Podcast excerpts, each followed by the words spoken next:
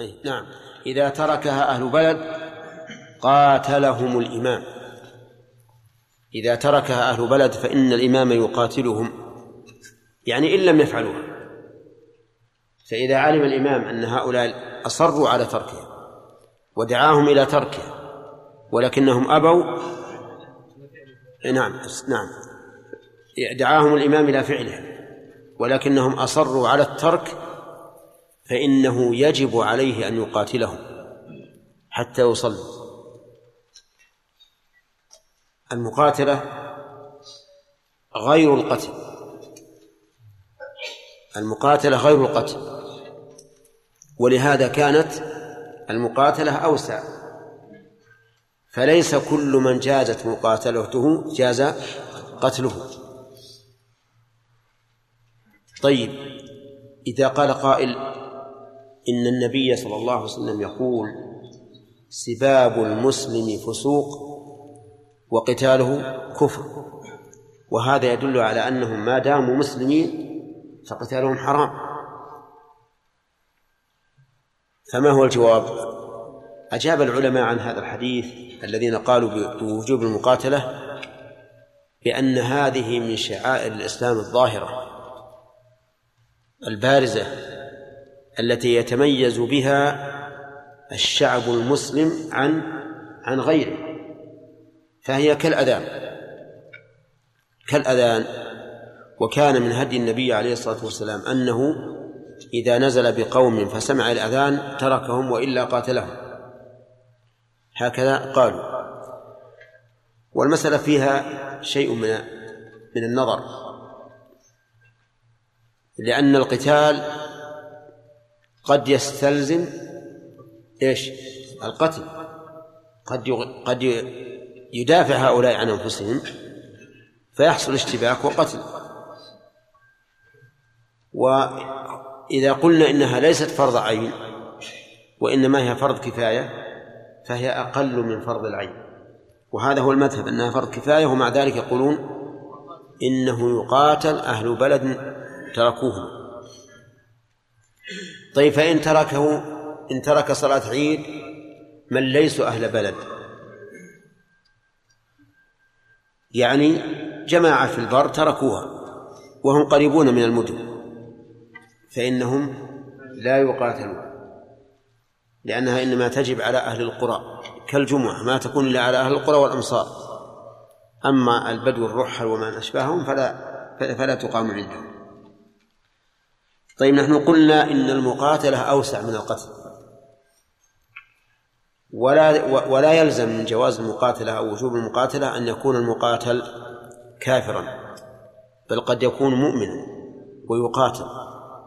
كما قال الله سبحانه وتعالى في الطائفتين المقتتلتين قال وإن طائفتان من المؤمنين اقتتلوا فأصلحوا بينهما فإن بغت إحداهما على الأخرى فقاتلوا التي تبغي حتى تفيء إلى أمر الله. فإن فاءت فأصلحوا بينهما بالعدل وأقسطوا. إن الله يحب المقسطين. إنما المؤمنون إخوة فأصلحوا بين أخويكم. فأوجب قتال الفئة الباغية مع أنها مؤمنة. لا تخرج من الإيمان بالقتال. قال وأول وقتها وقول المؤلف قاتلهم الإمام. يعني إمام المسجد؟ ها؟ لا. المراد بالإمام عند الفقهاء هو أعلى سلطة في البلد أعلى سلطة في البلد. وكان الناس فيما سبق عن المسلمين كان إمامهم واحدا لكن تغيرت الأحوال. طيب هل يقاتلهم غير الإمام؟ لو أن جماعة من الإخوة أهل العلم والدين قال إنها قالوا هذا البلد ترك صلاة العيد. سنقاتلهم يلا خذوا السلاح. يجوز؟ لا يجوز لأن هذا افتيات على ولي الأمر. ولو فتح الباب للناس وصار كل من رأى منكرا أنكره بالفعل والتغيير باليد لحصل في هذا فوضى كثيرة. لأن كثيرا من الناس ولا نقول أكثر الناس لا يدرك مدى الخطورة في مثل هذا الأمر. ربما يعتقد أن هذا الشيء حرام فيحاول تغييره وهو وهو حلال ويسطو على من فعله بحجة أنه حرام وأن من رأى منكم منكرا فليغيره بيده ويحصل في هذا شر كثير. ولهذا قال العلماء إن الحدود لا يقيمها إلا الإمام. والتعزيرات لا يقوم بتقديرها إلا الإمام. والمقاتلة في مثل هذا وشبهه لا يقوم به إلا بها إلا الإمام. وليس لكل أحد أن يفعل ما شاء. لكن يمكن بعض الناس ما هم مجتهد يروح بزينه وركته نعم. يقول وقتها كصلاة الضحى وآخره الزوال. وقتها أي وقت صلاة العيد كصلاة الضحى ومعلوم أن صلاة الضحى تكون من ارتفاع الشمس قيد رمح. فإذا قال قائل لماذا لم يقل المؤلف؟ ووقتها من ارتفاع الشمس قيد رمح حتى يريح الإنسان. نقول في هذا فائدة. العلماء يحيلون على ما مضى أو على ما يستقبل من أجل أن يحملوا طالب العلم على إيش؟ على البحث. فمثل هنا إذا قال كصلاة الضحى. إذا أذهب إلى باب صلاة الضحى. أنظر متى. فأجمع الآن بين معلومين. معلوم عن صلاة الضحى معلوم عن صلاة العيد. لكن لو قال من ارتفاع الشمس قيد رمح ما حصل. ذلك وقد يكون الإنسان نسي وقت الضحى. ووقتها كصلاة الضحى وآخره الزوال. طيب إذا قال قائل ما هو الدليل على أن وقتها كصلاة الضحى؟ لو قال إنسان إن وقتها من طلوع الشمس. نقول الدليل على هذا أمران. الأمر الأول أن النبي صلى الله عليه وسلم وخلفائه الراشدين لم يصلوها إلا بعد ارتفاع الشمس قيد الرمح والثاني أنها قبل أن ما قبل ذلك أن ما قبل ذلك وقت نهي. أن ما قبل ذلك وقت نهي. ولا ولا يمكن أن يكون وقت النهي وقتا لصلاة يستوي فيها الناس جميعا. لأن وقت النهي يكون لصلاة فائتة لشخص نسيها مثلا وما أشبه ذلك.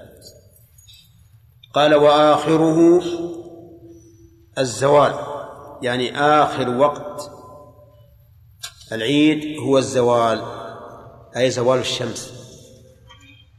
زوالها عن إيش؟ زوالها عن كبد السماء.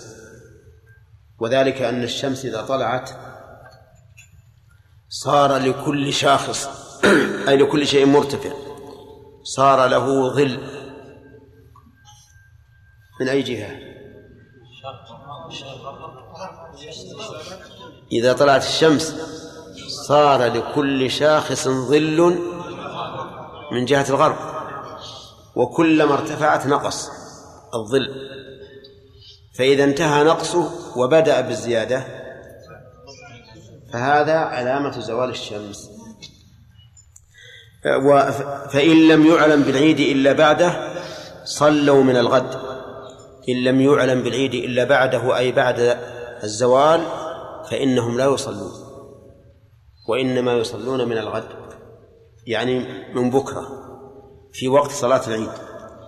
ودليل ذلك يقول ما رواه أبو عمير بن أنس عن عمومة له من الأنصار قال غم علينا شهر شوال فأصبحنا صياما فجاء ركب في آخر النهار فشهدوا أنهم رأوا الهلال بالأمس فأمر النبي صلى الله عليه وسلم أن الناس أن يفطروا من يومهم وأن يخرجوا غدا لعيدهم رواه أحمد وأبو داود والدار قطني وحسنه. إذا إذا لم يعلم الناس العيد إلا بعد الزوال فإنه في عيد الفطر يفطرون. لأنه تبين أن هذا يوم عيد ويوم العيد صومه حرام. في عيد الأضحى هل يضحون أو ينتظروا ينتظرون الصلاة؟ نقول ينتظرون الصلاة. لا يصلوا يضحون إلا بعدها من الغد. وهذه يتم بها التقسيم بالنسبة للصلوات فإن الصلوات تنقسم في قضائها إلى أقسام. القسم الأول ما يقضى إذا فات وقته من حين زوال العذر. مثل الصلوات الخمس. الصلوات الخمس إذا فاتت فإنك تقضيها في وقت زوال العذر. إن كان العذر نوما تقضيها إذا استيقظ إن كان نسيانا إذا ذكر طيب. ومنها ما لا يقضى إذا فات. لا. كالجمعة. الجمعة إذا فاتت لا تقضى. إن خرج وقتها لا يقضي لا يقضيها الناس كلهم. وإن فاتت الإنسان مع الجماعة فهو أيضا لا يقضيها. وإنما يصلي بدلها ظهر. طيب. الثالث ما ما لا يقضى إلا في وقته. وهي صلاة العيد فإنها لا تقضى في يومها وإنما تقضى في وقتها. نعم. فإن لم يعلم بالعيد إلا بعده صلوا من الغد. ثم قال وتسن في صحراء. قريبة. تسن في صحراء أي يسن إقامتها في الصحراء. الصحراء يعني التي خارج البلد. وينبغي يا خالد أن تكون إيش في الليل ينبغي أن تكون قريبة لئلا تشق على الناس. ف فإذا قال هل هناك دليل على أنها تسن في الصحراء ولماذا لا تكون في البلد؟ قلنا نعم فيه دليل وهو فعل النبي صلى الله عليه وسلم وخلفائه الراشدين فإنهم كانوا يصلونها في الصحراء. ولولا أن هذا أمر مقصود ما كلفوا أنفسهم ولا كلفوا الناس أن يخرجوا خارج البلد. طيب وهل تكون في صحراء بعيدة أو قريبة؟ عندي ما أدري شرح ولا متن؟ في صحراء قريبة. شرح. ويسن تقديم صلاة الأضحى وعكسه الفطر وأكله قبلها وعكسه بالأضحى إن ضحى. هذه أربع مسائل. المسألة الأولى يسن تقديم صلاة الأضحى. والحكمة من ذلك من أجل أن يتسع الوقت لذبح الأضاحي. تكلمنا على تحية المسجد أنها من الوجوب أي نعم. أنتم الآن تشيرون إلى أسئلة. ها؟ جاء؟ ما ركبنا الساعة.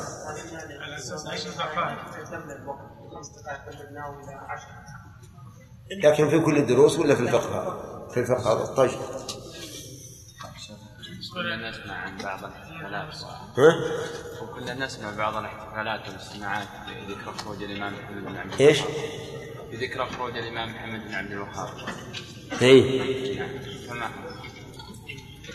يسأل عن الاجتماع الذي عقد مؤتمر أو أسبوع الشيخ محمد بن الوهاب. والجواب عن هذا أنه ليس عيدا لأنه لم يتكرر. والفائدة منه هو جمع المعلومات عن هذا الرجل ومؤلفاته ولهذا جمعت مؤلفاته في هذا المؤتمر وحصل فيها نفع كبير. لكن لو يتكرر كل سنة صار عيدا. نعم. اتضح اتضح في وسط النهار إن يعني يوم هذا اليوم يوم عيد. يعني بعد الزواج بعد الزواج نعم.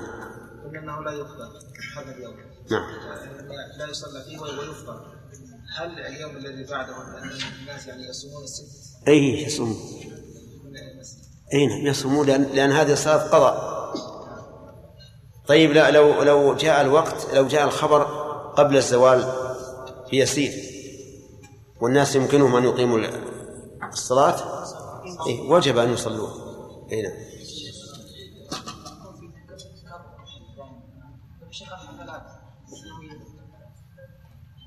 إيه؟ لا هذه مناسبة حاضر. نعم. السؤال يقول الحفلات التي تقام مثلا عند تخرج طلبة أو عند حفظ القرآن أو ما أشبه ذلك. هل تدخل في هذا؟ نقول لا تدخل في هذا. أولا لأنها لا تتكرر بالنسبة لهؤلاء الذين احتفل فيهم. والشيء الثاني له مناسبة. مناسبة حاضرة. ليس شيء ماضي يذكر. نعم. إيش؟ ترجيحكم لوجوب صلاة العيد. نعم. ألا يلزم منه تعدي الوجوب على النساء؟ إي. إي نعم. يعني ربما يقال حتى على النساء وهو وهذا هو ظاهر كلام شيخ الإسلام ابن تيمية أنه واجبه حتى على النساء نعم. إي نعم. أنتم تعرفون ان إن وجوب صلاة العيد في السنة الثانية من الهجرة. والحديث الأول متقدم. وأيضا ليس هذا الحديث عاما لكل شيء. ما ما كان له سبب فهو خارج. والنبي عليه الصلاة والسلام إنما أخبر الأعرابي بالصلوات الخمس التي التي تطلب من كل واحد. والأعرابي ربما يكون في البر وليس عندهم صلاة عيد. ففي احتمالات. نعم. شرع الإسلام الأخرى. أي نعم.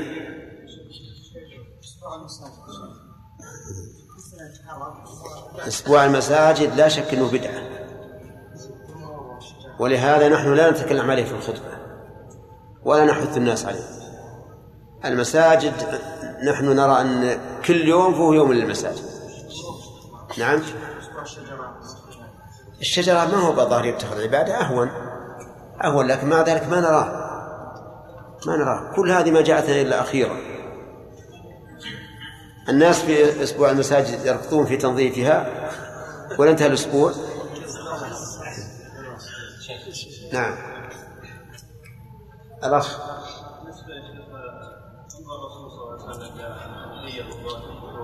إيش؟ أمر الرسول بالحيه بالخروج إلى المسجد هل كان في عيد الفطر أو؟ الحديث عام والظاهر إنه في عيد الأضحى والفطر والفطر كله الشيخ محمد عبد الوهاب قام قام حتى بإذن الإمام. أي نعم. الإمام كان مفوض له هذا الشيء.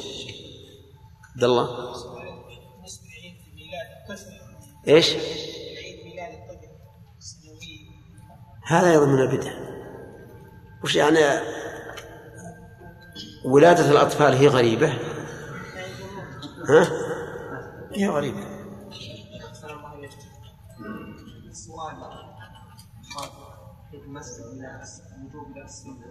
الوقائع التي دلت إيه؟ هذا يسأل يقول ما هي الوقائع التي تدل على أن تحية المسجد ليست بواجبة؟ استدلوا لذلك بأمور. أولا أن النبي عليه الصلاة والسلام كان في يوم الجمعة يدخل المسجد ويصعد المنبر ويجلس بين الخطبتين ولا يصلي. واستدلوا أيضا بحديث كعب بن مالك لما دخل المسجد بعد توبة الله عليه. فإنه لم يصلي تحية المسجد. لكن هذا يحتمل أنه ليس على وضوء. لأن من دخل على غير وضوء فإنه لا يصلي. وكيف يصلي وهو غير متوضئ؟ نعم. إي نعم. إذا صلى على غير وضوء يجوز يجلس. واستدلوا أيضا بقصة النفر الثلاثة الذين دخلوا والنبي عليه الصلاة والسلام في قومه منهم من دخل في الحلقة ومنهم من استحيا وجلس خلف الحلقة ومنهم من انصرف. ولم يأمرهم النبي عليه الصلاة والسلام بأن يصلي. فالمهم إن فيه وقائع توجب للإنسان أن يتوقف الوجوب أو أو أن يميل إلى إلى عدم الوجوب. نعم. في الخطبه لمن لم يسمع كبير إي نعم.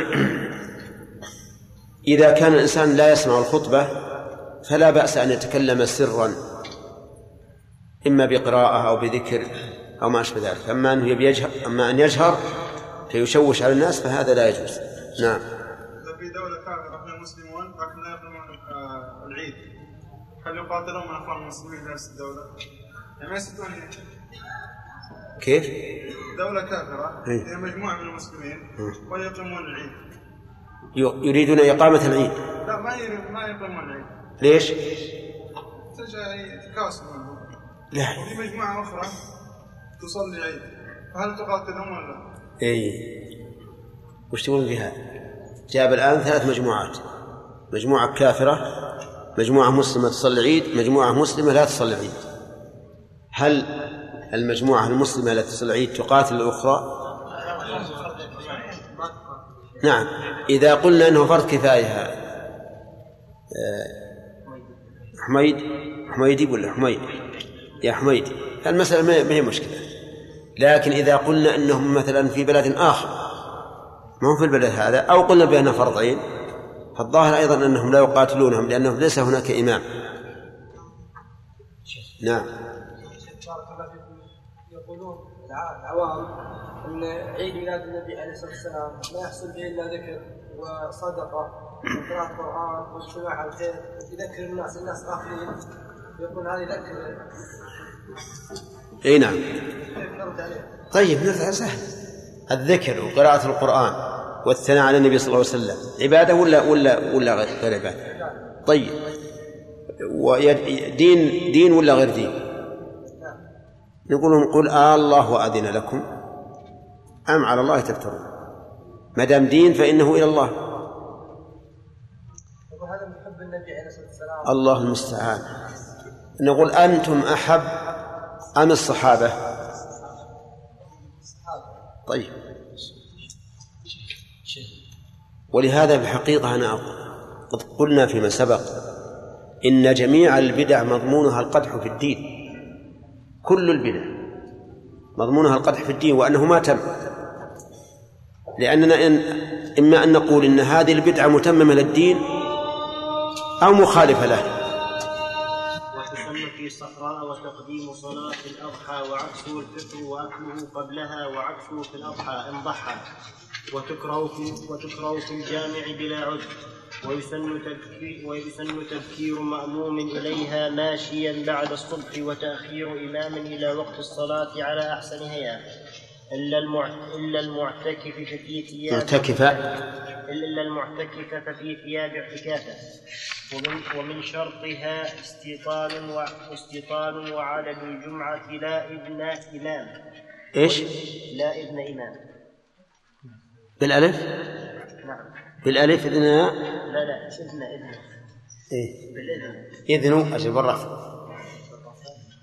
عندي المنصوبة بالرفع. عندنا معرف يا شيخ. الإمام. ما يخ... ما لا إذن إمام. ويسن أن يرجع من طريق آخر. بس. بسم الله الرحمن الرحيم. الحمد لله رب العالمين والصلاة والسلام على نبينا محمد وعلى آله وأصحابه ومن تبعهم بإحسان إلى يوم الدين.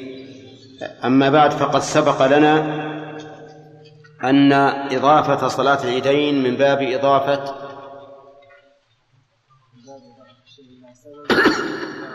وإلى وقت. إلى سببه لأن سببهما لأن سببها العيدان.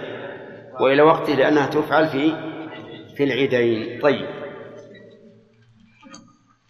وسبق لنا أن الأعياد الشرعية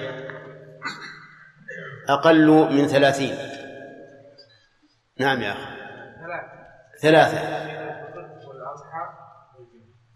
عيد الفطر والأضحى والجمعة. طيب. آه، هل هناك عيد لمناسبة أخرى؟ أنت. ولا لغزوة بدر. ولا لغزوة بدر ولا للمعراج. توافقون على هذا؟ نعم. ما هو الدليل على عدم مشروعية هذه الأعياد التي استحدثت في الإسلام؟ أولا النبي صلى الله عليه وسلم جاء إلى الصحابة إلى المدينة وكان لل- للم- صار الآن صار كلها أعياد غير العيدين فأبطلها وأقر منها وجعل لهم وق- وقال إن الله قد استبدلكم أبدلكم. استبدلكم ما بعيدين خير منهما. نعم. عيد الأضحى وعيد طيب هذا واحد نعم زكي وعدم وجود الدليل يدل على لماذا؟ إيه؟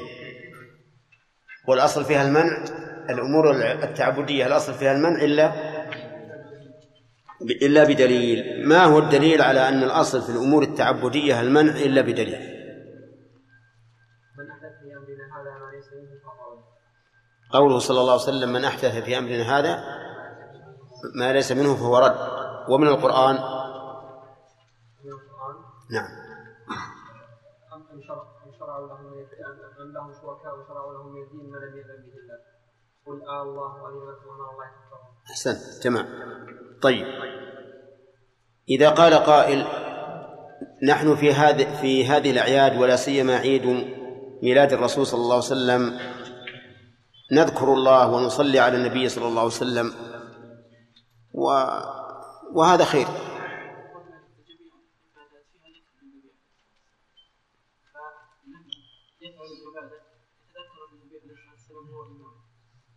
في يذكر النبي صلى الله عليه وسلم في أكثر من خمس مرات وفي في الأذان يذكر أكثر إذا نقول هذه الذكرى لا حاجة لها لأن المؤمنين يذكرون الرسول صلى الله عليه وسلم في كل صلاة بل في كل عمل صالح لأن العمل الصالح لا بد فيه من الإخلاص والمتابعة للرسول صلى الله عليه وسلم. وإذا كنت تريد المتابعة في العمل فلا بد أن تذكر من تتابع.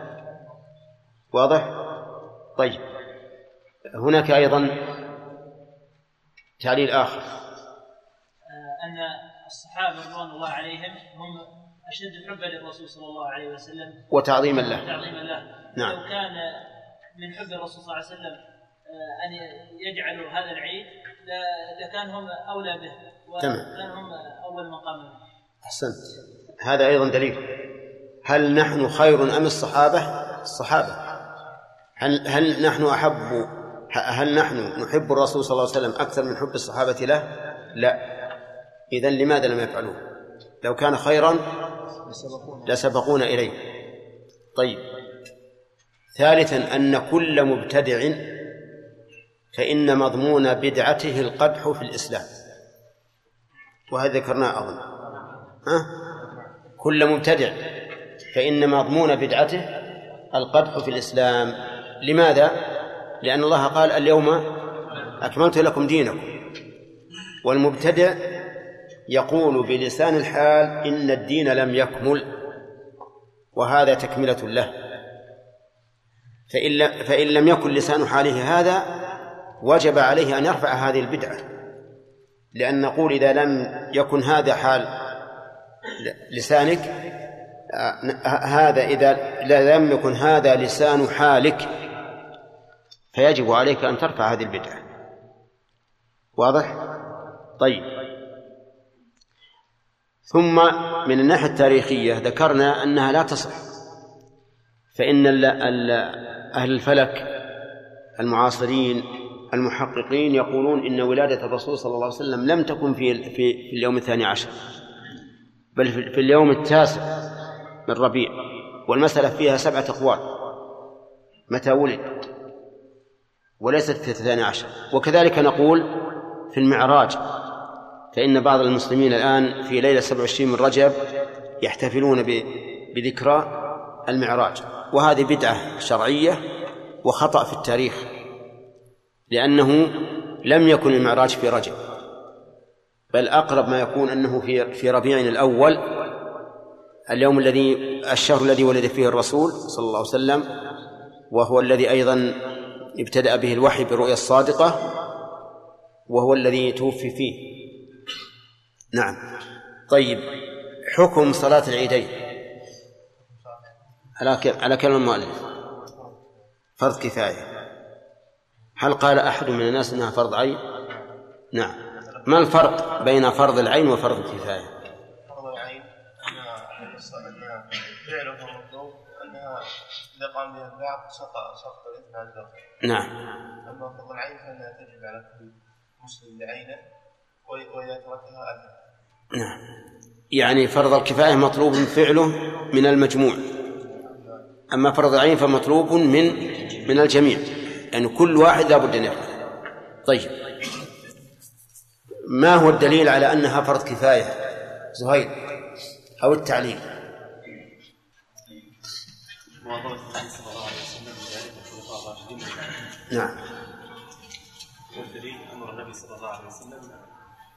بإخراج النساء يوم العيد حتى الحيض وذوات الخدور نعم. الرسول أمر أن يخرج حتى النساء الحيض وذوات الخدور ولهذا ليس في صلاة يشرع للنساء حضورها إلا صلاة العيد. كل الصلوات الأفضل للنساء أن تكون في البيوت. إلا صلاة العيد فقط. حتى الاستسقاء.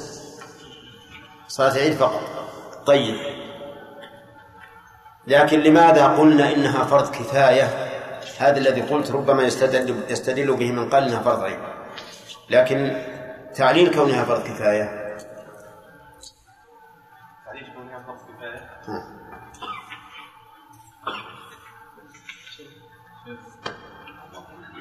واصل. الرسول صلى الله عليه وسلم قال للأعرابي لما جاء يسأله هل علي عرف ذكر له ما علي فقال له لا. لا. هذا هذا قد ينفي وجوبها على العين فقط. نعم. أي. إنها من شعائر الدين الظاهرة فإذا قام به البعض فإنه يكفي نعم كذا تمام. هكذا علم. قال لأن من شعائر الإسلام الظاهرة. فإذا قام به من يكفي بها من يكفي سقط عن الباقين كالأذان. طيب. لو اتفق أهل بلد على تركها. نعم. لا اللي ياخذ مرة ما يأخذ ثاني. ولهذا يحسن أن لا يرفع يديه لأنه خلاص. نعم. اللي وراء ها؟ قاتلهم الإمام اللي يتكلم يرفع يده. وين رفعت؟ ارفع شوي. نعم. قاتلهم الإمام. يقاتلهم الإمام. أو يقتلهم. يقاتلهم. ما الفرق؟ بين يقاتلهم؟ ويقتلون أي نعم. في فرق نعم. اذكر. يقاتلهم لأنهم تركوا ما هو ما, ما أريد تعليل الحكم. أريد الفرق بين يقاتلهم ويقتلهم.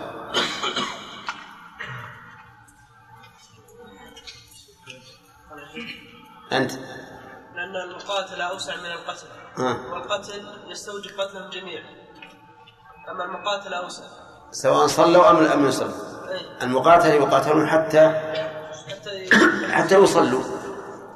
يعني لو قال نحن سنزحف عليكم ونقاتلكم إلا أن تصلوا فصلوا انتهى. طيب. لو جاء لو ثبت دخول شهر شوال بعد زوال الشمس فماذا يصنعون؟ أخذت؟ يلا.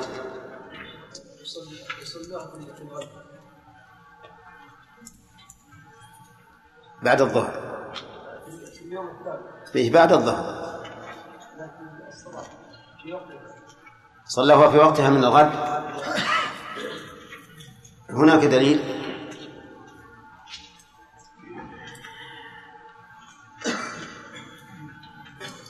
ورواه أبو أبو عبيدة بن عاص عن عن عامة الله بن عمومة الله. عامة الله بن الأنصار قالوا آه، أن ركبا قالوا قالوا غم علينا شهر شوال. فصمنا فصمنا يومنا. فأصبحنا صياما فجاءنا رجل في آخر النهار فشهدوا أنهم رأوا الهلال. في بالأمس فأمر النبي صلى الله عليه وسلم الناس أن أن يفطروا في يومهم وأن يخرجوا يخرجوا للصلاة في- ويخرجوا في الغد للصلاة أحسنت. تمام. طيب. بهذه المناسبة ذكرنا أن الصلوات تنقسم إلى أربعة أقسام.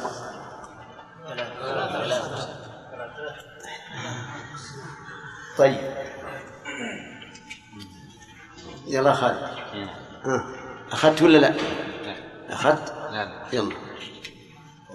ما لا يقضى أصلا. والقسم الثاني ما إذا فات يقضى في وقته والقسم الثالث ما إذا فات يقضى آه، حال تذكره والقسم الرابع ما إذا فات يقضى آه، في الغد في وقته. لا هذا اللي قلت. قلت.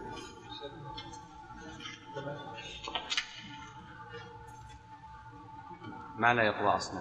ذكرته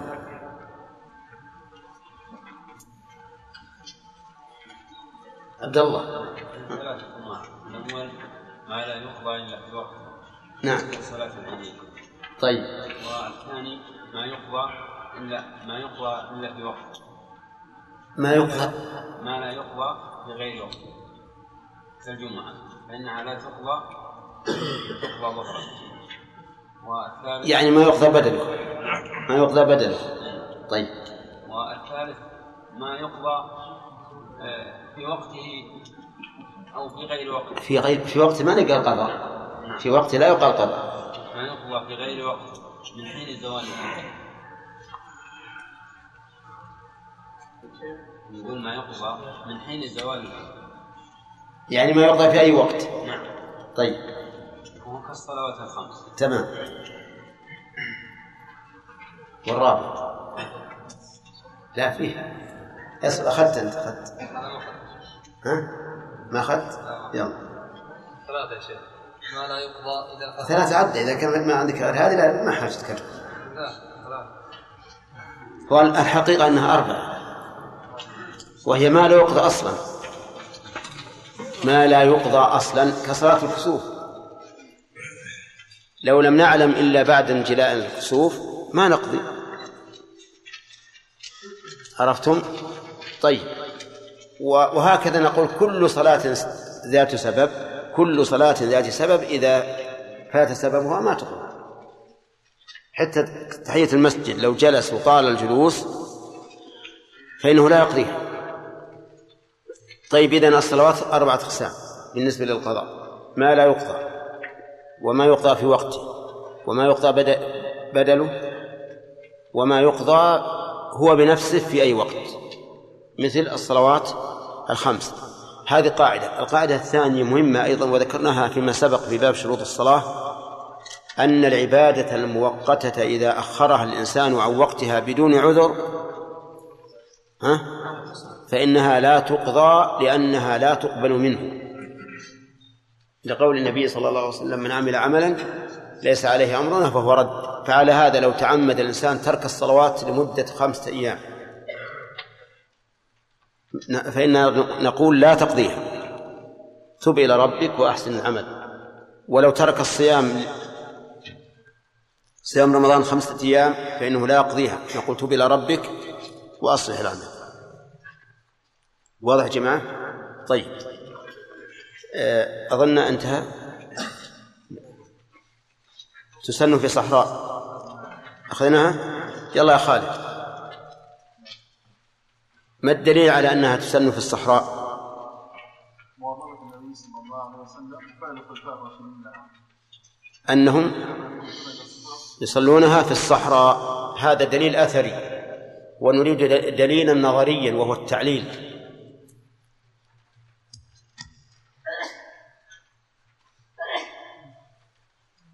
لما أمر النبي صلى الله عليه وسلم بإخراج النساء الحيض وذوات الحضور وعرفنا من الأدلة أن النساء لا يدخلن المسجد ويسن من ذلك أن يكون في المسجد. لا. والنساء يدخلون المسجد إلا الحيض حيض لا ما هو هذا. نعم. أخذت. يلا. لأن الخروج لو لم يكن مقصودا لما تكلفه النبي صلى الله عليه وسلم وخلفاء الراشدين. طيب. هذا تعليل للأثر والحقيقة التعليل أيضا لأن ذلك أظهر لإشعاع. أو أشد إظهارا لهذه الشعيرة لأنه لو صلاها في البلد ما كانت ظاهرة بينة. إذا خرجوا صار هذا أقوى في إظهار هذه الشعيرة. طيب. قال المؤلف رحمه الله وتسن في الصلاة ويسن تقديم صلاة الأضحى وعكسه الفطر. هذا مبتدا الدرس يسن أيضا مبتدا درس الليلة إن شاء الله. تقديم صلاة الأضحى وتأخير صلاة الفطر. ودليل هذا أثر ونظر. أما الأثر فهو ما روي عن النبي عليه الصلاة والسلام أنه كان يصلي صلاة عيد الأضحى إذا ارتفعت الشمس قيد رمح. وصلاة الفطر إذا ارتفعت إذا ارتفعت قيد رمحين ثم فيه أيضا حديث ذكره الشرح عندنا أن النبي صلى الله عليه وسلم كتب إلى عمرو بن حزم أن عجل الأضحى وأخر الفطر وذكر الناس. عجل الأضحى يعني الصلاة وأخر الفطر وذكر الناس في الخطبة. أما الدليل النظري فلأن الناس في صلاة العيد الفطر في صلاة عيد الفطر محتاجون إلى امتداد الوقت ليتسع وقت إخراج الفطرة يعني زكاة يعني زكاة الفطر. لأن أفضل وقت تخرج فيه زكاة الفطر صباح يوم العيد قبل الصلاة. لحديث ابن عمر أمر أن تؤدى قبل خروج الناس إلى الصلاة. ومعلوم أنه إذا امتدت الصلاة وتأخرت صار هذا أوسع للناس. وأما عيد الأضحى فإن المشروع المبادرة بالتضحية لأن التضحية من شعائر الإسلام. وقد قرنها الله عز وجل في كتابه بالصلاة فقال فصل لربك وانحر. وقال إن صلاتي ونسكي قل إن صلاتي ونسكي ومحياي ومماتي لله رب العالمين. ففعلها مبادرا بها في هذا اليوم أفضل. وهذا إنما يحصل إذا قدمت إيش؟ إذا قدمت الصلاة. لأنه لا يمكن أن يذبح الأضحية قبل الصلاة.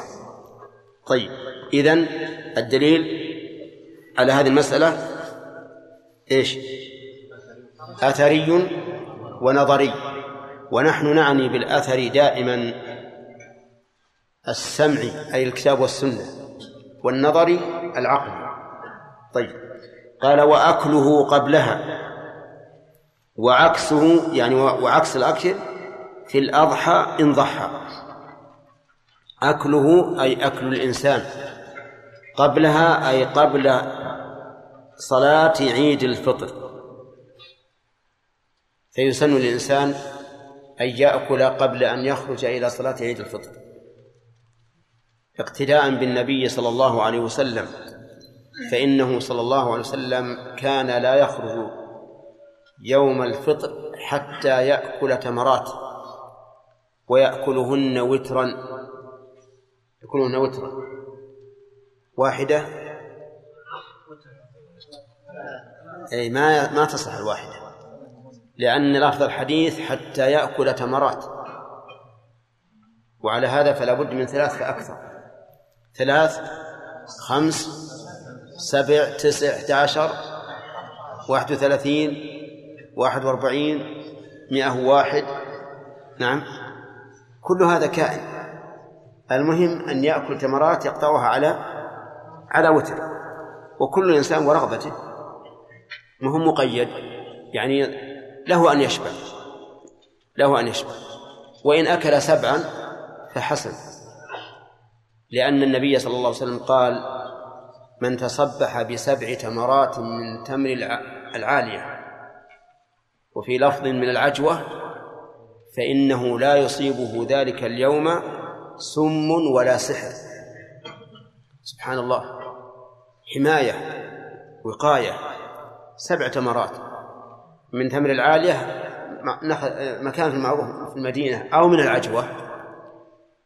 بل إن شيخنا رحمه الله بن سعد يرى أن أن ذلك على سبيل التمثيل وأن المقصود التمر مطلقا وأن المقصود التمر مطلقا. فعلى هذا يتصبح الإنسان كل يوم بسبع تمرات. إن كان النبي صلى الله عليه وسلم أراد أرادها فهذا قد حصل المطلوب.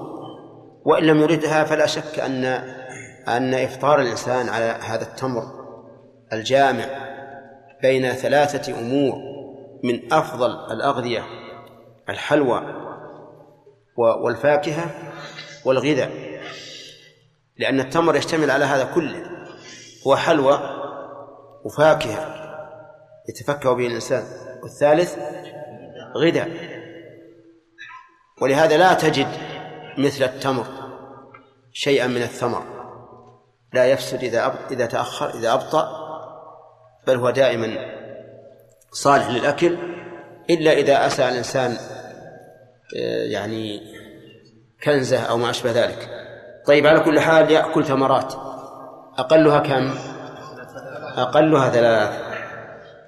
أما الأضحى يقول المؤلف وعكسه يعني عكس الأكل وهو ترك الأكل في الأضحى لكن شرط قال إن ضحى. فالأفضل في عيد الأضحى أن يتأخر حتى يضحي. طيب والمؤلف رحمه الله ذكر حديثا عن بريرة كان النبي صلى الله عليه وسلم لا يخرج يوم الفطر حتى يفطر ولا يطعم يوم النحر حتى يصلي رواه أحمد. عندي الظاهر بريدة. نعم. ولأن ولأن ذلك أسرع إلى المبادرة في الأكل من ضحيته. والأكل من الأضحية واجب عند بعض العلماء. لقول الله تعالى كلوا منها وأطعموا فبدأ بالأمر بالأكل. وقد ذهب إلى وجوب الأكل من الأضحية جماعة من أهل العلم استدلالا بظاهر الآية. فالأفضل إذن أن يتأخر في عيد الأضحى حتى يأكل من أضحيته التي أمر بالأكل منها.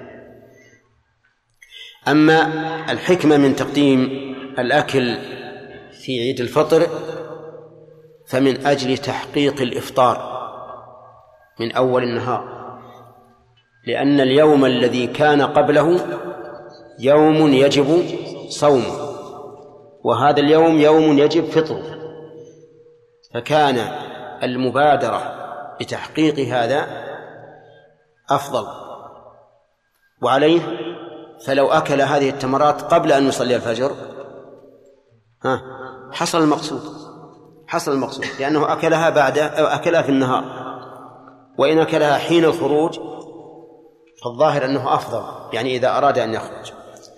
فصار لهذه المسألة دليل من الأثر والنظر أيضا.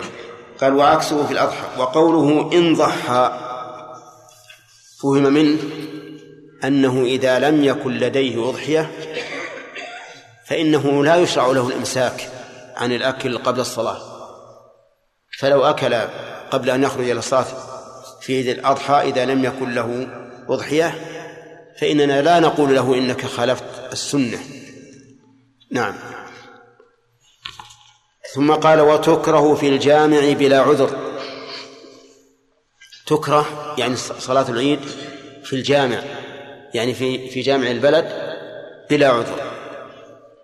وظاهر كلام المؤلف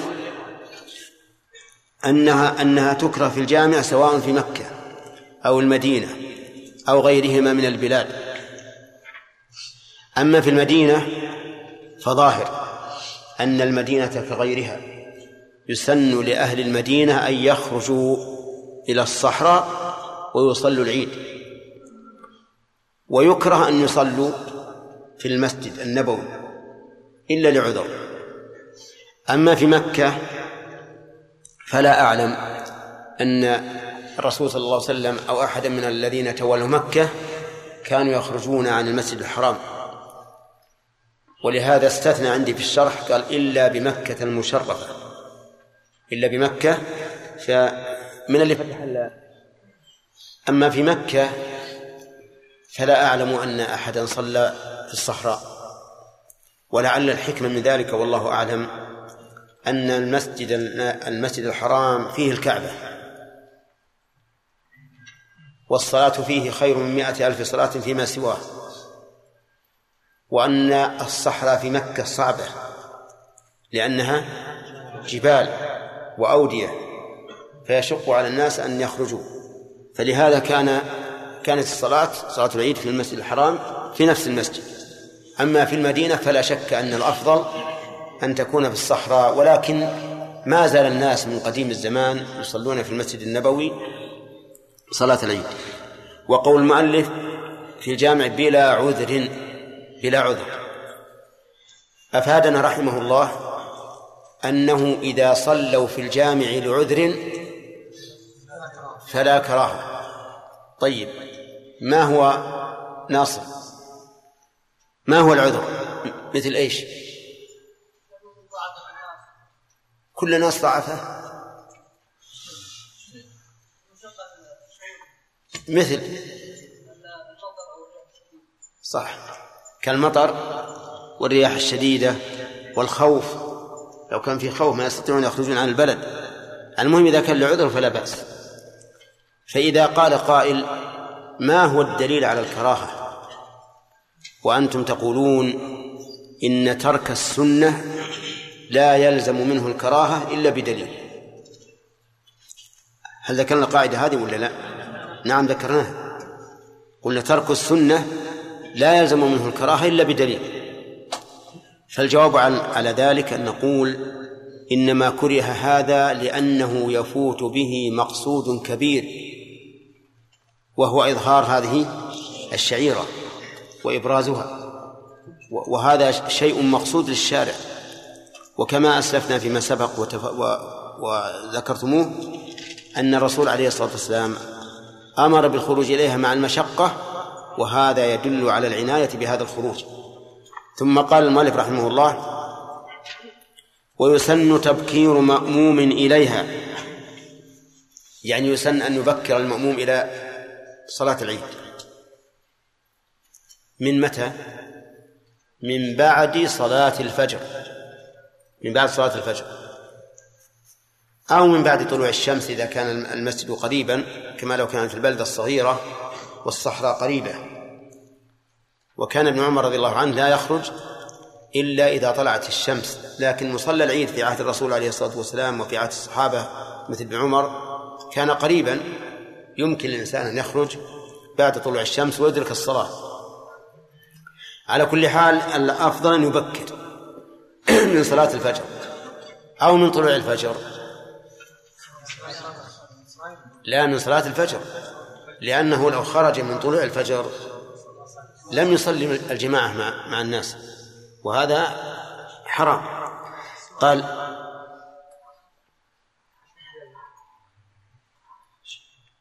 الساعة عشر أنتم موافقين على أن الفقه عشر دقائق؟ طيب. نعم. ولا يزالون مختلفين. نعم. طيب. الحقيقة أنا معكم.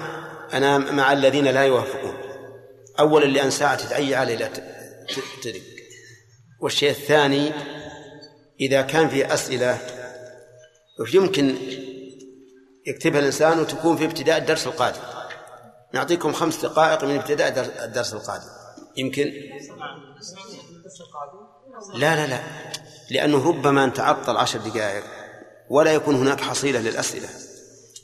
نعم؟ وتلقى الواحد يتفطن بس وده يجيب سؤال يشغل الوقت. مو صحيح؟ لكن كان خمس دقائق واضطر الناس إلى أن يكون فيه أسئلة يكون من ابتداء الدرس القادم أحسن ونمشي على طريقة واحدة. توافقون على هذا الرأي؟ طيب. بارك الله فيك. يقول المؤلف يسن تبكير مامون إليه ماشيا طيب. هذه هذه السنة قد تؤخذ من عمل الصحابة رضي الله عنهم لأن النبي صلى الله عليه وسلم كان يخرج إلى المصلى إذا طلعت الشمس ويجد الناس قد حضروا. وهذا يستلزم أن يكونوا قد تقدموا. هذا واحد. ولأن ذلك سبق إلى الخير. ولأنه إذا وصل إلى المسجد وانتظر الصلاة فإنه لا يزال في صلاة. ولأنه إذا تقدم يحصل له الدنو من الإمام من الإمام. وكل هذه العلل علل مقصودة في الشرع. يقول المؤلف ماشيا.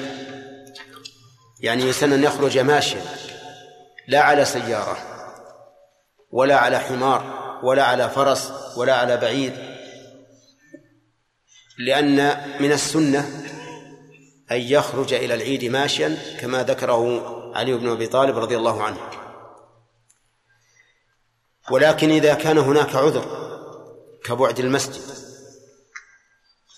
أو مرض في الإنسان أو ما أشبه ذلك فلا حرج أن يخرج إليها راكدا يقول بعد نعم عندنا بعد الصبح يعني بعد صلاة الصبح. وتأخر إمام إلى وقت الصلاة. يعني ويسن أن يتأخر الإمام إلى وقت الصلاة. ودليل ذلك أن النبي صلى الله عليه وسلم كان إذا خرج إلى العيد فأول شيء يبدأ به الصلاة. وهذا يدل على أنه لا يحضر فيجلس بل يحضر ويشرع في الصلاة. فالسنة للإمام أن يتأخر حتى يأتي وقت الصلاة ويخرج. وكذلك نقول في الجمعة أن السنة للإمام أن يتأخر.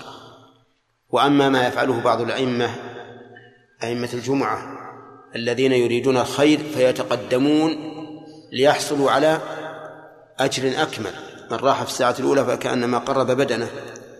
فهؤلاء يثابون على نيتهم ولا يثابون على عملهم.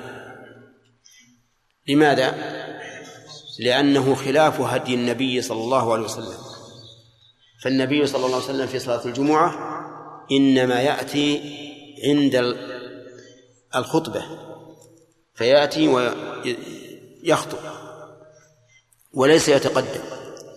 ولو كان هذا من الخير لكان أول فاعل له رسول الله صلى الله عليه وسلم.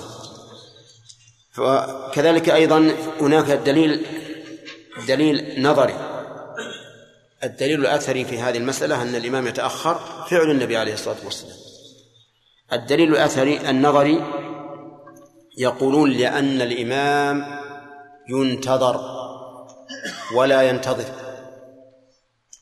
الإمام ينتظر ولا ينتظر. إيش معنى هذا؟ يعني الناس ينتظرونه أما هو فلا ينتظر الناس. إذا جاء وقيمة الصلاة على أحسن هيئة يعني يسن أن يخرج على أحسن هيئة على أحسن يشمل الإمام والمأموم. يعني ينبغي أن يخرج لصلاة العيد على أحسن هيئة. في أي شيء؟ في لباسه وفي هيئته. مثلا يحف الشارب يقلم الأظفار يتنظف يلبس أحسن ثيابه يلبس أحسن الثياب وهذا يختلف باختلاف الناس. فيه ناس مثلا أحسن ثيابهم القمص وفي ناس أحسن ثيابهم الثياب الفضفاضة وفي ناس أحسن ثيابهم المشالح. المهم يختلف فيلبس أحسن ثيابه. إظهارا للسرور والفرح بهذا اليوم يوم العيد وتحدثا بنعمة الله. تحدثا بنعمة الله قوليا أو فعليا. تحدثا فعليا لأن الله إذا أنعم على على عبده نعمة يحب أن يرى أثر نعمته على عبده. طيب على أحسن هيئة. نعم. قال إيه، دقيقة قال إلا المعتكف ففي ثياب اعتكافه. المعتكف ينبغي أن يخرج في ثياب اعتكافه. ولو كانت غير نظيفة. لو كانت غير نظيفة. لماذا؟ قالوا لأن هذه الثياب أثر عبادة. فينبغي أن يبقى أثر العبادة عليه كما يشرع في دم الشهيد أن يبقى عليه أن يبقى عليه لأنه أثر عبادة ولكن هذا القول في غاية الضعف ضعيف أثرا ونظرا. أما الأثر فإن النبي صلى الله عليه وسلم لا شك أنه كان يعتكف ومع ذلك يلبس أحسن الثياب فهو مخالف للسنة. هذا القول مخالف للسنة. وأما النظر فلأن توسخ ثياب المعتكف ليس من أثر اعتكافه ولكن من طول بقائها عليه. ولهذا لو لبس ثوبا نظيفا ليلة العيد نعم أو في آخر يوم من رمضان ما أثر ولا يصح قياسه على دم الشهيد. لأن دم الشهيد يأتي يوم لأن الشهيد يأتي يوم القيامة وجرحه يثعب دما. اللون لون الدم والريح ريح المسك. فبينهما فرق كبير. فالصحيح أن المعتكف كغيره يخرج إلى صلاة العيد متنظفا لابسا أحسن ثيابه ذكرنا في مسألة تقديم الصلاة الأضحى على الخطأ تصيح هذا أقول هذا أحسن الله يخالف هذا الحديث النبي صلى الله عليه وسلم كان أول ما يبدأ الصلاة. ثم أنه يخالف لعمل الناس اليوم الناس اليوم أول ما بالخطبة أول ما يبدأون يبدأون الصلاة. ثم الخطبة الثانية أقول هل تقسيم هذا مخالف هذا الحديث؟ أي. حديث أول في حديث أبي سعيد أول شيء يبدأ به الصلاة إذا خرج إلى الفطر والأضحى إلى وصلنا. صحيح. أي التفصيل السابق. أي. الذي مر معنا قبل قليل. أي لأنه في صلاة الفطر يؤخر يؤخر الصلاة. صح. ما يخالف. ليش خالف؟ يعني خلوه يكمل. يعني أحسن الله إليك. هل المراد تأخير إيقاع الصلاة مع خطبتها. اي نعم. لا لا الصلاة مع الخطبة. يعني مو معناه خطب ويقعد مثلا قاعدين الناس لين تجي الصلاة. تأخير صلاة الفطر هي هي والخطبة يخطب ثم لا لا. يأخر الصلاة. ومعروف أن يوم العيد الخطبة فيه بعد الصلاة. إذا أخر الصلاة أخر الخطبة. يعني مثلا إذا كنا نصلي يوم العيد في في في الفطر الساعة السادسة. نصلي في في, في الأضحى الساعة خمس ونص. نبكر.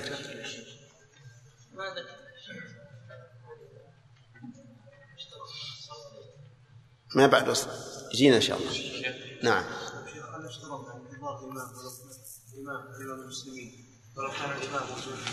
وشلون؟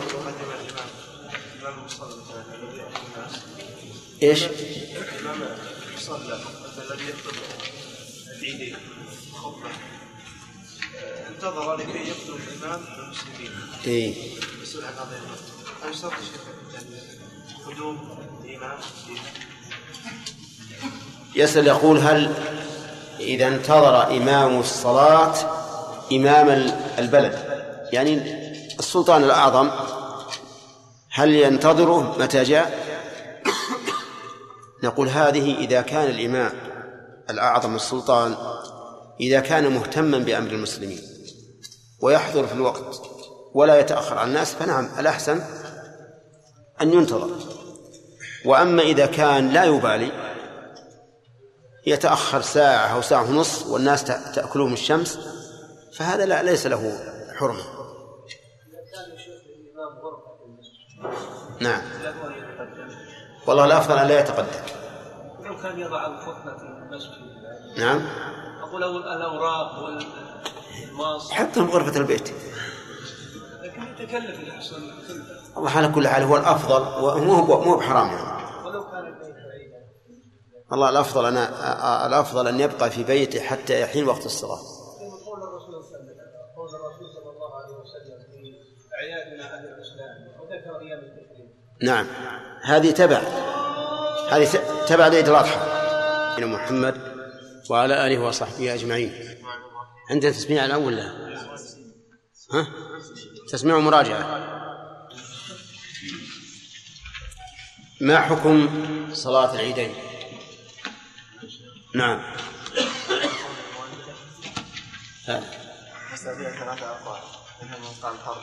على على كلام المؤلف. كلام عن فرض كفاية. فرض كفاية. ما معنى فرض الكفاية هو الذي إذا قام به؟ الباقي ما الفرق بينه وبين فرض العين؟ فرض العين أن كل إنسان يقوم بذلك يقوم بنفسه بهذا العمل. فإذا ترك أنه مطلوب من كل واحد بعينه ها؟ نعم. أما فرض الكفاية فهو مطلوب من المجموع من الجميع. من الجميع؟ من المجموع. لأن المقصود فعل هذا الشيء. المقصود فعل هذا الشيء. هل تعرف شيئا من فروض الكفاية سوى العيدين؟ نعم الاستسقاء. الاستسقاء فرض كفاية؟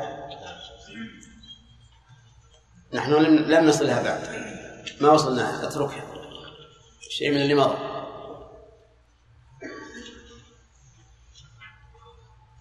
الأذان. الأذان فرض كفاية.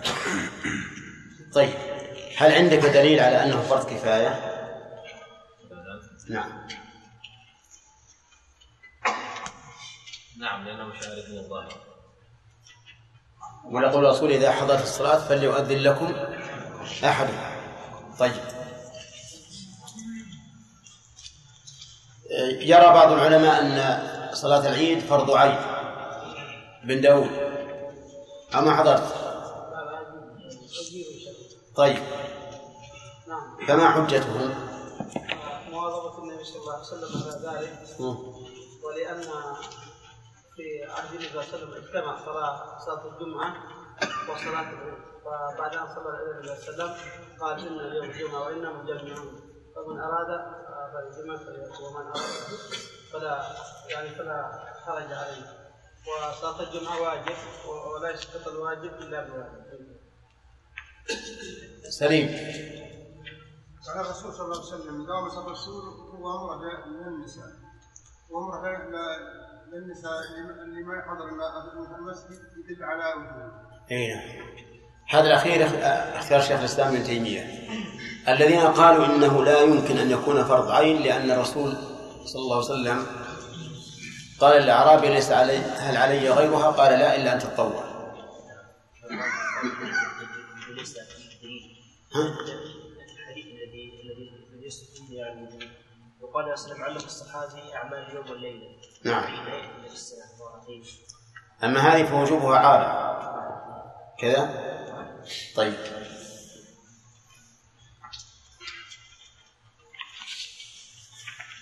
علموا بالعيد بعد زوال الشمس ماذا يصنعون يا خالد؟ يصلون من الغد. يصلون من الغد. ركعتين ركعتين كر- كالسنن العادية. كصوت آه. إذا يصلون صلاة العيد من الغد بخطبة وكل شيء. طيب تمام. هل هناك دليل على هذه المسألة؟ منصور؟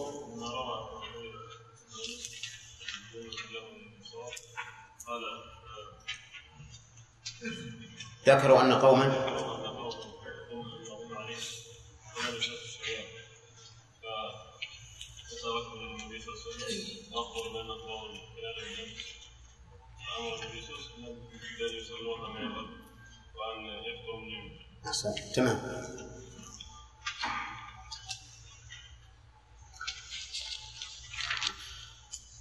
طيب آه، يقول المؤلف إنه يخرج على أحسن هيئة إلا المعتكف. محمد. نعم. ها. هذا عن مثل المذهب ولكن آه، الراجح. المؤلف يرى أنه المعتكف يخرج في ثياب اعتكافه فما حجته؟ حجته لأنه أثر عبادة. نعم. لأن عليه أثر عبادة. نعم. والراجح خلاف فينبغي أن فينبغي أن يحضر آه، أن يبقيها. أن يبقي هذا الأثر على عليه. هل له شيء يقيسونه عليه؟ يقيسونه على دم الشهيد نعم على دم الشهيد قالوا إنه إن الرسول عليه الصلاة والسلام أمر أن يدفن الشهداء بدمائهم لأنه أثر عبادة. عبادة. ذكرنا أن الصحيح خلاف ذلك وعللنا ذلك بعلل عديدة. الأخ. بالنسبة لدم الشهيد أثر عبادة لأنه كان من العبادة من الجهاد. نعم. أما الثياب فهي من الامثله على أي نعم. ولهذا تتسق للمعتكف والمعتكف طيب. لذلك لا تكون ليس ليس له أن يدخل فيها أو ليس من الأفضل. نعم. نعم. ثاني ما عن خلاف النبي صلى الله عليه وسلم كان يعتكف كان يصلي العيد. يعني خلاف السنة. وكان يتجمل للعيد. المعتكف بيصلي العيد يعني. لكن التجمل وكان يتجمل للعيد كما في صحيح البخاري وغيره. طيب. في تعليل آخر أن النبي صلى الله عليه وسلم ذكر أن الشهيد يأتي يوم القيامة وجرحه يثعب دما نعم. بخلاف المعتكف. بخلاف المعتكف. لو مات في ثيابه ما جاء بثيابه أيضا هذا يؤدي إلى أيضا في تعيد آخر لو أن لو لبس ثيابا جديدة في ليلة العيد لخرج بثياب جديدة ليس عليها أثر الاعتكاف. هذا ينقض التعليل الذي على النوبة إيه هم يقولون من أجل هذا قلنا لا, لا, لا يلبس ثيابا جديدة لا لو لبس أثناء اعتكافه ثيابا جديدة آه نعم. لو لبس في آخر يوم ثوبا جديدا قلنا نخرج به. نعم. طيب. في شيء؟ انه أيضا يخرج فيه أيضا أنه ربما يكون هذا مدعاة للرياء. للرياء. رياء من؟ المعتكف. الناس يتساءلون ليش هذا عليه ثياب وسخة والله هذا معتكف. ففيه دعوة ففيه مدعاة للرياء. نعم. قوله تعالى يا زينتكم كل نعم. يعني مخالف لظاهر الآية. طيب على كل حال إذن الصحيح أنه لا يستثنى المعتكف. ثم قال المؤلف ومن شرطها أي من شرط صلاة العيد استيطان. أي أن تقام من جماعة مستوطنين. فخرج بذلك المسافرون والمقيمون. لأن الناس على المشهور من المذهب ثلاثة أقسام مسافر ومقيم ومستوطن.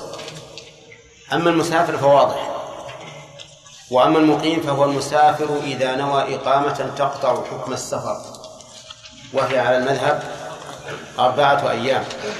هذا يسمونه مقيما لا مسافرا ولا مستوطنا. وأما المستوطن فهو الذي في بلده. فيشترط لصحة صلاة العيد يرحمك الله. يشترط لصحة صلاة العيد أن تكون من قوم مستوطنين.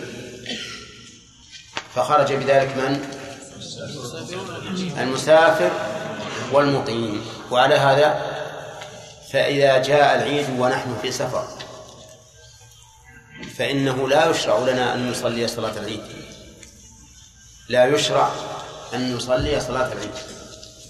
لأن النبي صلى الله عليه وسلم لم يقم صلاة العيد إلا في المدينة. وسافر إلى مكة عام غزوة الفتح. وبقي فيها إلى أول شوال. وأتاه العيد. ولم ينقل أنه صلى الله, صلى الله عليه وسلم صلى صلاة العيد. وفي حجه. صادفه العيد وهو في منى ولم يقم صلاة العيد لأنه مسافر كما أنه لم يقم صلاة الجمعة في عرفة لأنه مسافر. طيب إذن المسافرون لا لا يشرع في حقهم صلاة العيد وهذا واضح لأن هذا هو هدي النبي صلى الله عليه وسلم. المقيمون كذلك على المذهب لأنهم ليسوا من أهل إقامة الجمعة فلا يكونون من أهل إقامة العيد. فلو فرضنا أن جماعة تبلغ مئتين في بلد غير إسلامي وكانوا قد أقاموا للدراسة لا لا للاستيطان وصادفهم العيد فإنهم لا يقيمون صلاة العيد. لا يقيمون صلاة العيد لأنهم ليسوا مستوطنين. ولكن في هذا القول نظرا ولهذا كان الناس الآن على خلاف هذا القول. فالذين أقاموا للدراسة في بلاد الكفر التي لا تقام فيها صلاة العيد كانوا يقيمون الجمعة ويقيمون صلاة العيد. ويرون أنهم لو تخلفوا عن ذلك لكان في هذا مطعن عليهم أنهم لا يقيمون شعائر دينهم في مناسباتها. نعم. هذا واحد. الشيء الثاني قال ومن شرطها أيضا عدد الجمعة. عدد الجمعة. وعدد الجمعة على المشهور من الأذهب كم؟ أربعون رجلا. من المستوطنين أيضا. أربعون رجلا من المستوطنين. وقد سبق لنا أن القول الراجح في عدد الجمعة كم؟ ثلاثة. فهذا ينبني على هذاك. لا بد من عدد يبلغون ثلاثة. فإن لم يوجد في القرية إلا رجل واحد مسلم فإنه لا يقيم صلاة العيد. أو رجلان فلا يقام فلا يقيمان صلاة العيد أو ثلاثة فيقيمونها. طيب. ثم قال لا إذن إمام. يعني لا يشترط إذن الإمام لصلاة العيد.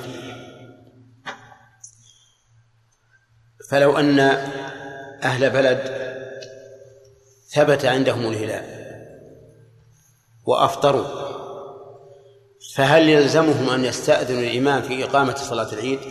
لا حتى لو قال الإمام لا تقيموها فإنه يجب عليهم أن يقيموها وأن يعصوه لماذا؟ لأن لأنه لا طاعة لمخلوق في معصية الخالق وقد سبق لنا في الجمعة أنه ينبغي أن يشترط إذن الإمام لتعدد المواضع. لتعدد الجمعة. فهذا العيد أيضا نقول فيه ما نقول في الجمعة. يعني أنه لو احتاج الناس إلى إقامة مسجد آخر للعيد فإنه لا بد من إذن الإمام أو نائب الإمام. حتى لا يحصل فوضى بين الناس ويصير كل واحد منهم يقيم مصلى عيد. ثم قال المؤلف رحمه الله و ويسن أن يرجع من طريق آخر. يسن أن يرجع الفاعل من؟ المصلي صلاة العيد. يسن أن يرجع من طريق آخر. إذا خرج من طريق أن يرجع من طريق آخر. اقتداء بالنبي صلى الله عليه وسلم فإنه كان إذا خرج يوم العيد خالف الطريق. ثبت ذلك عنه. فالحكمة من هذا متابعة النبي صلى الله عليه وسلم. وهذه الحكمة يا إخواني هذه الحكمة هي أعلى حكمة يقتنع بها المؤمن. أعلى حكمة يقتنع بها المؤمن أن يقال هذا أمر الله ورسوله. ودليل ذلك قوله تعالى وما كان لمؤمن ولا مؤمنة إذا قضى الله ورسوله أمرا أن يكون لهم الخيرة من أمرهم يعني بل يقتنعون غاية الاقتناع. وقول عائشة رضي الله عنها وقد سئلت لماذا تقضي الحائض الصوم ولا تقضي الصلاة؟ قالت كان يصيبنا ذلك فنؤمر بقضاء الصوم ولا نؤمر بقضاء الصلاة. ولم تذكر سوى هذا. فهذه الحكمة للمؤمن هي أعلى حكمة يقتنع بها لأن المؤمن لسانه وحاله سمعنا وأطعنا. طيب فالحكمة من هذا من المخالفة بالنسبة لنا هي اتباع الرسول صلى الله عليه وسلم. فنقول لما فعل الرسول نحن نتبعه ونحن وراءه. ونحن خلفه. أما بالنسبة لفعل الرسول لها فلماذا؟ اختلف العلماء في العلة في تعليل فعل الرسول لا فعلنا فمنهم من قال إن العلة إظهار هذه الشعيرة في أسواق البلد. لأن الناس إذا جاءوا من هذا الطريق زرافات ووحدانا وهجروا الطريق الثاني لم تتبين هذه الشعيرة في إيش؟ في الطريق الثاني. وصارت منحصرة في الطريق الأول. فإذا خرجوا من هنا ودخلوا من هناك صار في هذا إظهار للشعيرة. طيب. ثانيا قالوا لعله يكون في الطريق الثاني فقراء ليسوا في الطريق الأول. فيجود عليهم. ويدخل عليهم السرور لأنه لأنه في يوم العيد ينبغي للإنسان أن يوسع على أهله ويدخل السرور عليهم ويبسط لهم في الرزق لأنه لأن العيد يوم فرح وسرور. فربما يكون في الطريق الثاني ها فقراء لا يكونون في الطريق الأول فيحصل عليهم الجود والتيسير والكرم. ثالثا قالوا من أجل أن يشهد له الطريقان الأول والثاني لأن الأرض يوم القيامة تحدث أخبارها أي ما عمل عليها من خير وشر. سبحان الله الأرض اللي أنت تطأ الآن يوم القيامة ستكون شهيدا عليك أو لك تشهد بما عملت من قول مسموع تسمعه وتعبر عنه ومن فعل مرئي تراه وتعبر عنه. سبحان الله هل لها أعين؟ هل لها آذان؟ لكن أنطقها الله الذي أنطق كل شيء. فتشهد يوم القيامة بما عمل عليه من خير وشر. فقالوا إنه من أجل أن يشهد له الطريقان من أجل أن يشهد له الطريقان. ولهذا عدوا هذه هذا الحكم عدوا هذا الحكم إلى الجمعة. وقالوا يسن أن يرجع أن يأتي إلى الجمعة من طريق ويرجع من طريق أخرى لأنها صلاة عيد واجتماع فيسن فيها مخالفة الطريق. ثم تقدم بعض العلماء خطوة أخرى. وقال نعدي هذا الحكم إلى سائر الصلوات. فيسن أن يأتي للصلاة من طريق ويرجع من طريق آخر. ثم تجاوز بعض العلماء.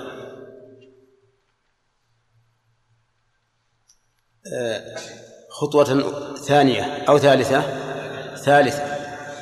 وقال يسن لكل من قصد أمرا مشروعا أن يذهب من طريق ويرجع من طريق آخر. فلو ذهبت لعيادة مريض فإنه يسن لك أن أن تذهب إليه من طريق وترجع من طريق آخر.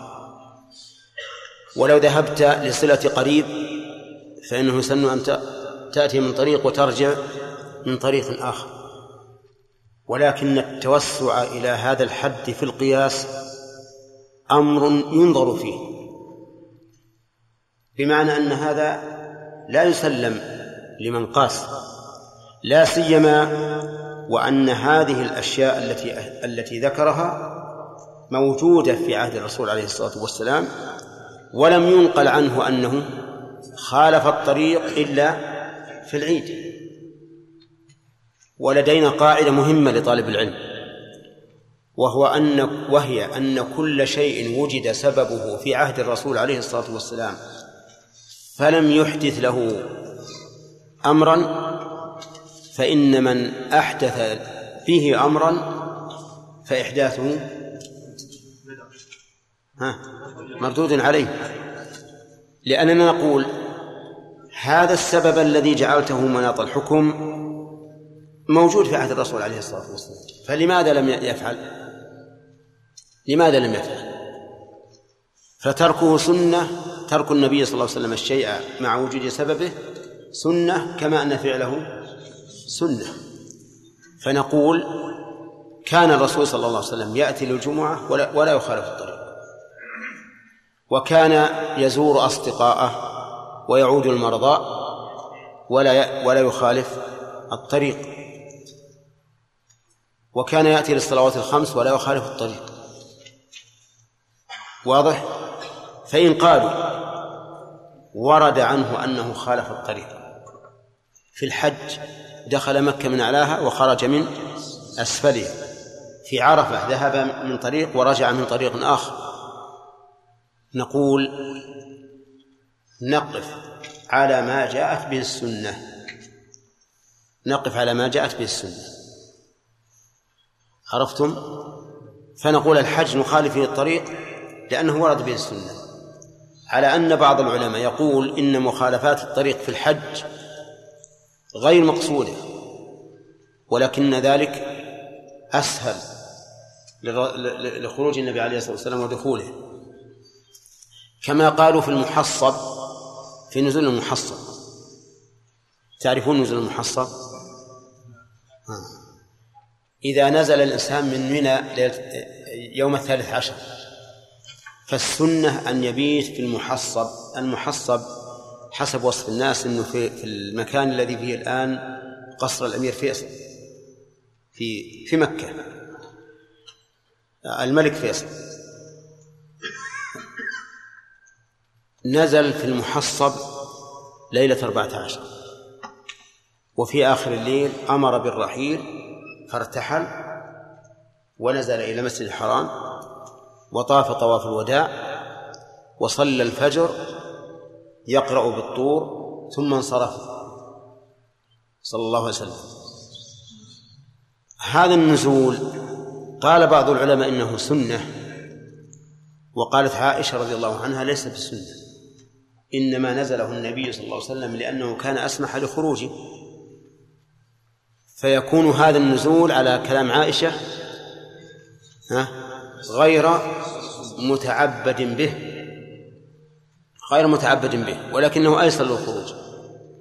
على كل حال أنا أقول الصواب مع من يرى أن مخالفة الطريق خاص في صلاة العيدين فقط.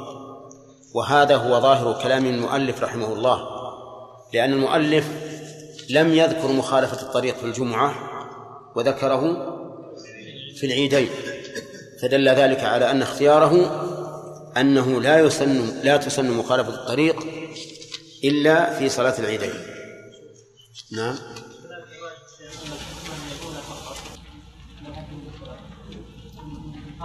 لا الحكمة الأولى بالنسبة لإيش؟ اتباع الرسول هذا بالنسبة لنا لكن الرسول لماذا فعل؟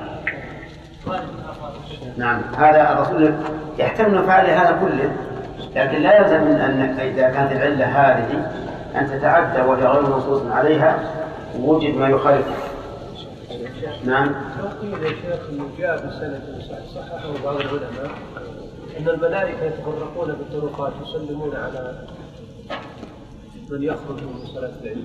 اي نعم. أنه يحصل على السلام والدعوة. يضاف إلى هذا تضاف إلى هذا إذا صح الحديث تضيف نعم. نعم يا أصلا. هل يشترط في صلاة العيدين إيش؟ هل يشترط في صلاة العيد أن يكون ذكرا حرا بالغا يعني إي نعم. لا لا بد من هذا. نعم.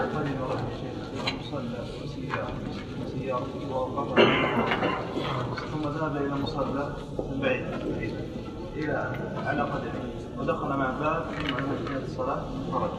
خرج من باب آخر. باب اخر ثم ركب السياره ورجع مع نفس الطريق الذي معه السياره لم لم يخالف الطريق لم يخالف ما يصحب السنة إلا إذا كان ليس هناك إلا إلا هذا الطريق. إذا كان ما في إلا هذا الطريق الذي رجع منه فهذا يقال اتقى الله ما استطاع. لكن إذا كان فيه طرقات أخرى فليفعل شيخ قلنا أن من كل شيء يوجد سببه في عهد رسول الله صلى الله عليه وسلم ولم يفعله ففعل من بعده بدعة. مردود عليه. ونحن قسنا على من دخل بيت أن رسول الله صلى الله عليه وسلم دخل بيته كان يشوصه بالسواك قسنا على ذاك المسجد. مع أن هذا مما توافر الدواعي على لا يا أخي. قلنا بعض العلماء قاس دخول المسجد وليس بصحيح. أذكرته؟ ها؟ يلا يا خالد عجب والله ما, ما نسيت. نسيت.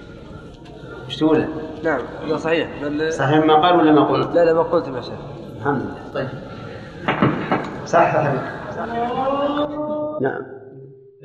أولا أولا نقول إن مما يشحذ الهمم ويزيد في العلم والفقه هو أن الإنسان يتعمق في معرفة الفروق.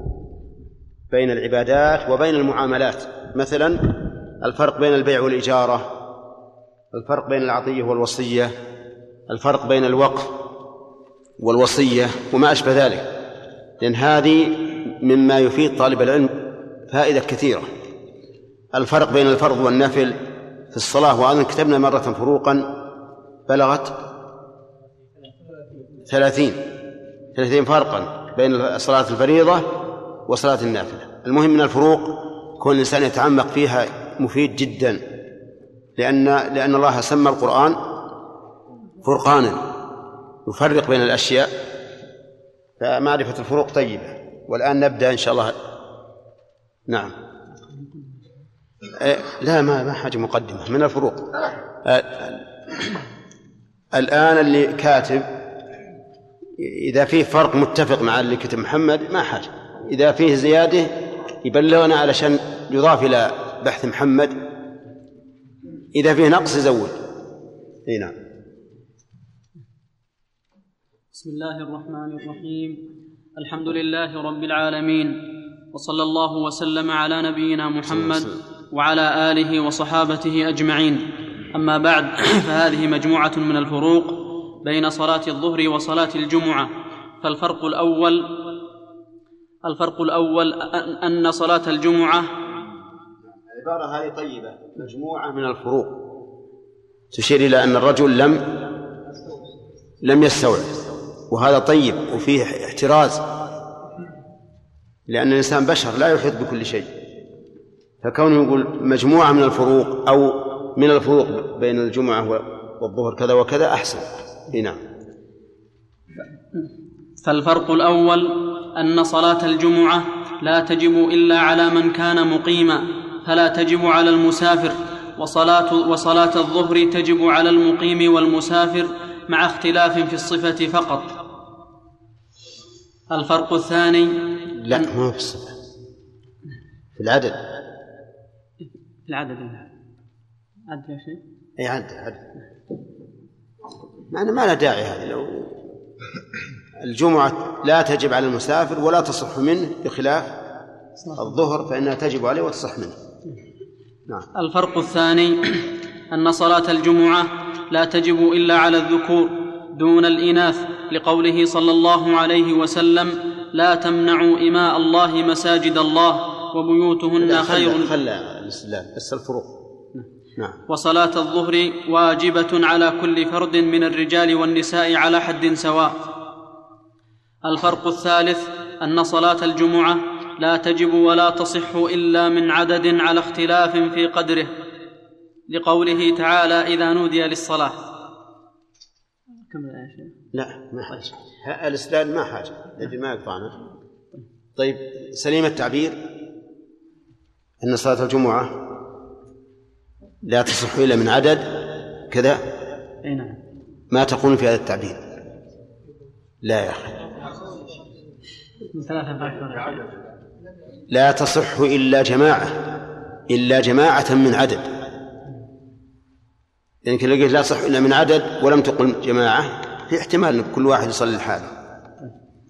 إلا جماعة من عدد على اختلاف في مقداره. نعم. الفرق الرابع يعني بخلاف؟ بخلاف صلاة الظهر. طيب. ها. الفرق الرابع أنه يشترط لوجوب الجمعة الاستيطان. ببناء في قول أكثر أهل العلم وهو الإقامة في قرية على الأوصاف المعروفة بحيث لا يضعنون عنها صيفا ولا شتاء. ولا يشترط ذلك في صلاة الظهر. الفرق الخامس أنه لا يجوز لمن تلزمه الجمعة السفر بعد الزوال حتى يصلي إن لم يخف فوت رفقة أو مصلحة. وهذا على قول الأكثر وذلك بخلاف صلاة الظهر. نعم. فيه بعد استثناء ثاني؟ إلا إذا خاف فوت الرفقة أو ها؟ أي نعم. أو أتى بها في طريقه. أو أتى بها في طريقه. على كل حال هذه ما لها دخل في الموضوع. إنما السفر بعد دخول وقت الجمعة لا يجوز بعد الزوال. بخلاف الظهر فيجوز السفر بعد الزوال. نعم. ويجوز السفر في وقت صلاة الظهر أو قبلها. الفرق السادس أنه يشترط تقدم خطبتين لصلاة الجمعة لفعل النبي صلى الله عليه وسلم ولا يشترط ذلك في صلاة الظهر. الفرق السابع أن صلاة الجمعة إذا فات وقتها فإنها لا تقضى بل تصلى ظهرا لأنها فرض الوقت. فإذا خرج وقتها صليت ظهرا بخلاف صلاة الظهر فإنها تقضى إذا ما خرج وقتها. هنا أخصر من هذا أن نقول أن من شرط الجمعة أن تكون في الوقت بخلاف الظهر. الظهر ما الذي يشترط لها؟ دخول الوقت فقط لا أن تكون في الوقت. نعم. الفرق الثامن